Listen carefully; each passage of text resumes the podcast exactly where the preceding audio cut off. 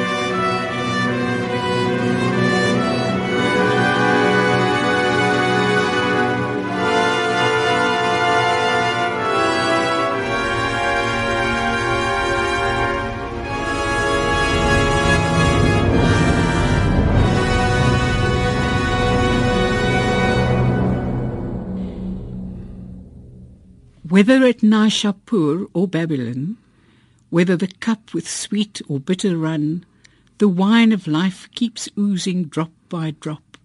The leaves of life keep falling one by one.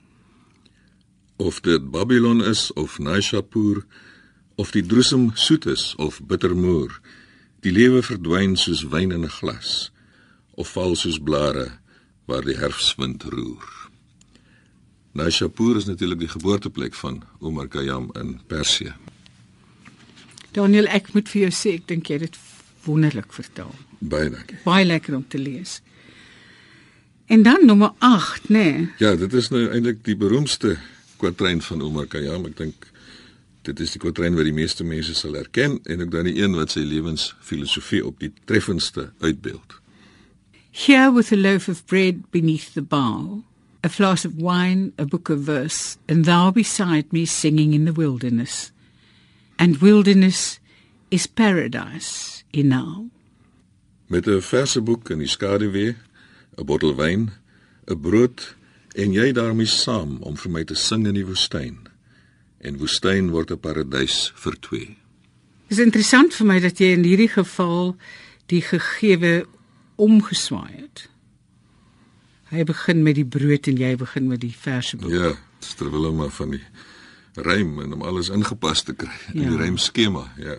Omar Khayyam gebruik dikwels die woestyn gegewe en karavane, kameelkaravane wat deur die woestyn beweeg en dan oornag by oases waar daar dan fees gevier word of ten minste dan gedrink word as as dit donker word. Soos in die volgende ene. 'n Karavanserai is dan so 'n oornagplek van 'n karavan met 'n herberg daarbey. By hierdie gehavende karavanserai het sultan na sultan pralerig ingedraai. 'n Tydjie gedrink en gedraal voor hy weer vertrek het na waar die wind sy spore toewaai. En die 12de ene. Ja, dit is dan 'n uh, kwatryn oor alle mense is sterflik, ook die magtiges van die aarde, die groot sultans en die groot jagters. Hulle sê die leeu, akedus en das hou die hof waar vroeër Jamshid gebras het. En Bagram, die groot jagter, die sebra stamp en stamp bo sy kop, maar hy slaap vas. Daniel, was dit vir jou lekker om dit te doen? Dit was pure plesier. Dit kom ver as jy vir my sê jy het al op universiteit Ja, begin om dit te vertel. 40 jaar gelede, ja. Ja. Kan ek weer lees? Ja, asseblief. The palace that to heaven his pillars threw, and kings the forehead on his threshold drew. I saw the solitary ringdove there, and coo, coo, coo, she cried, and coo, coo, coo. Daardie paleis met torings wat die hemel soek, waar sultans daagliks gebid het en soms moes vloek.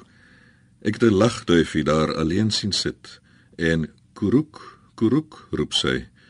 Kuruk, kuruk.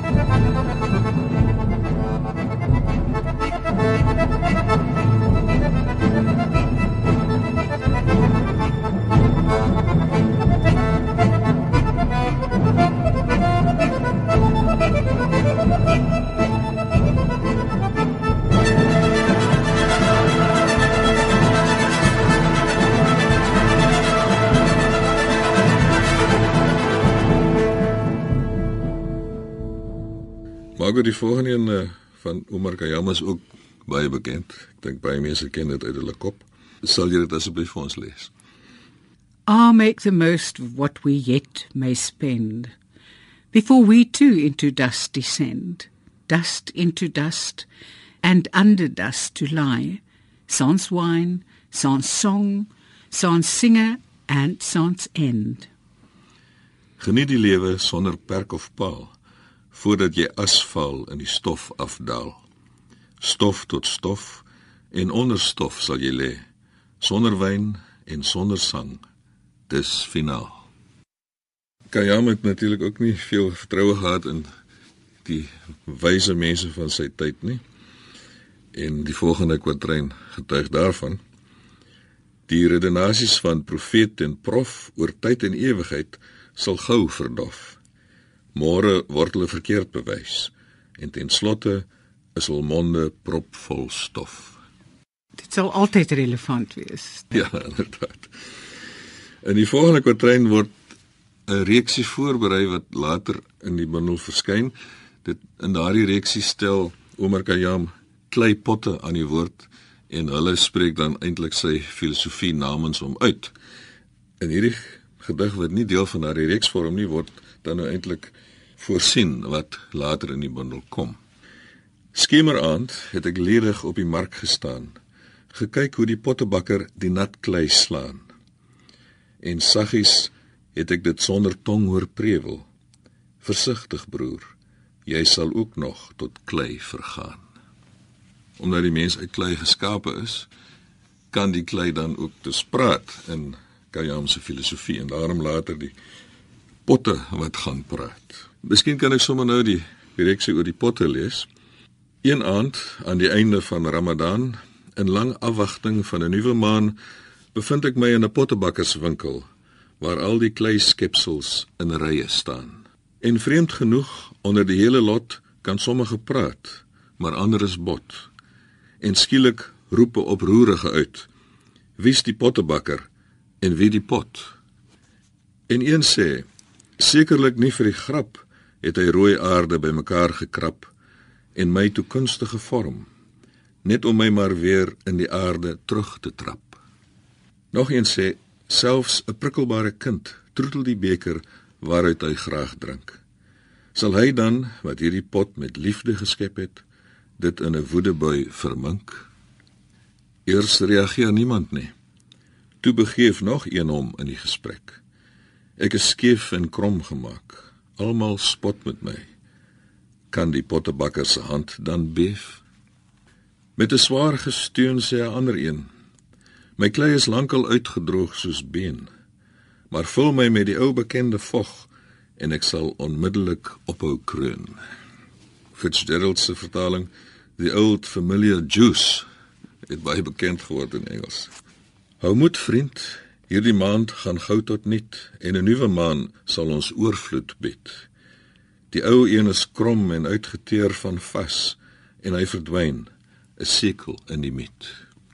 Terwyl die potte praat en deurnag wak, sien een die dun sekelmaan eers raak. Hulle stamp aan mekaar. Hoor daar broer, hoe die skinker se skouerkussing kraak. Die skouerkussing is die een waarop die kruik met die wyn rus, ja. Dit is dan die reeksie waarin die potte praat. Maar oor die volgende een is ook baie bekend. Miskien kan jy eers die Engels lees asseblief. The moving finger writes and having writ moves on. Nor all thy piety nor wit shall lure it back to cancel half a line, nor all thy tears wash out a word of it. Wat die hand ook al skryf, sal ingegrif bly staan. Niks van jou vroomheid of vernuf sal hom iets laat wysig nie en geen enkel traan wis 'n woord van daardie skrif. Ek gaan nog so 3 van Omar Khayyam se kwatryne lees. Dit is van die laaste kwatryne in die bundel en gaan dan nou oor sy eie sterflikheid. Ag, lawe tog my ou en moe lyf met die vog van die onsterflike druif. Maak sy blare my doodskleed en begrawe my dan onder die gekoer van 'n duif. Goed, dan voorlaaste ene. Ja, souwaar, bely het ek elke keer, maar was ek nugter dat ek so kon sweer. En toe, ja, toe kom die lente met 'n roos wat my verslete berou flenters skeur. En dan Die laaste een wat ek gaan lees van Omar Khayyam se kwatryne. Maar gou sal jy eers die Engels lees asseblief.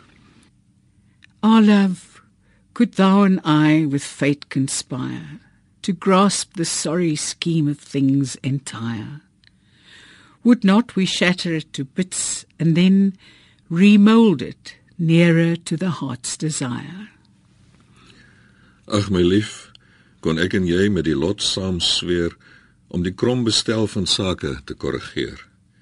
Hoe sou as dit nie aan skerwe slaan en dan boetseer nader aan wat die hart begeer.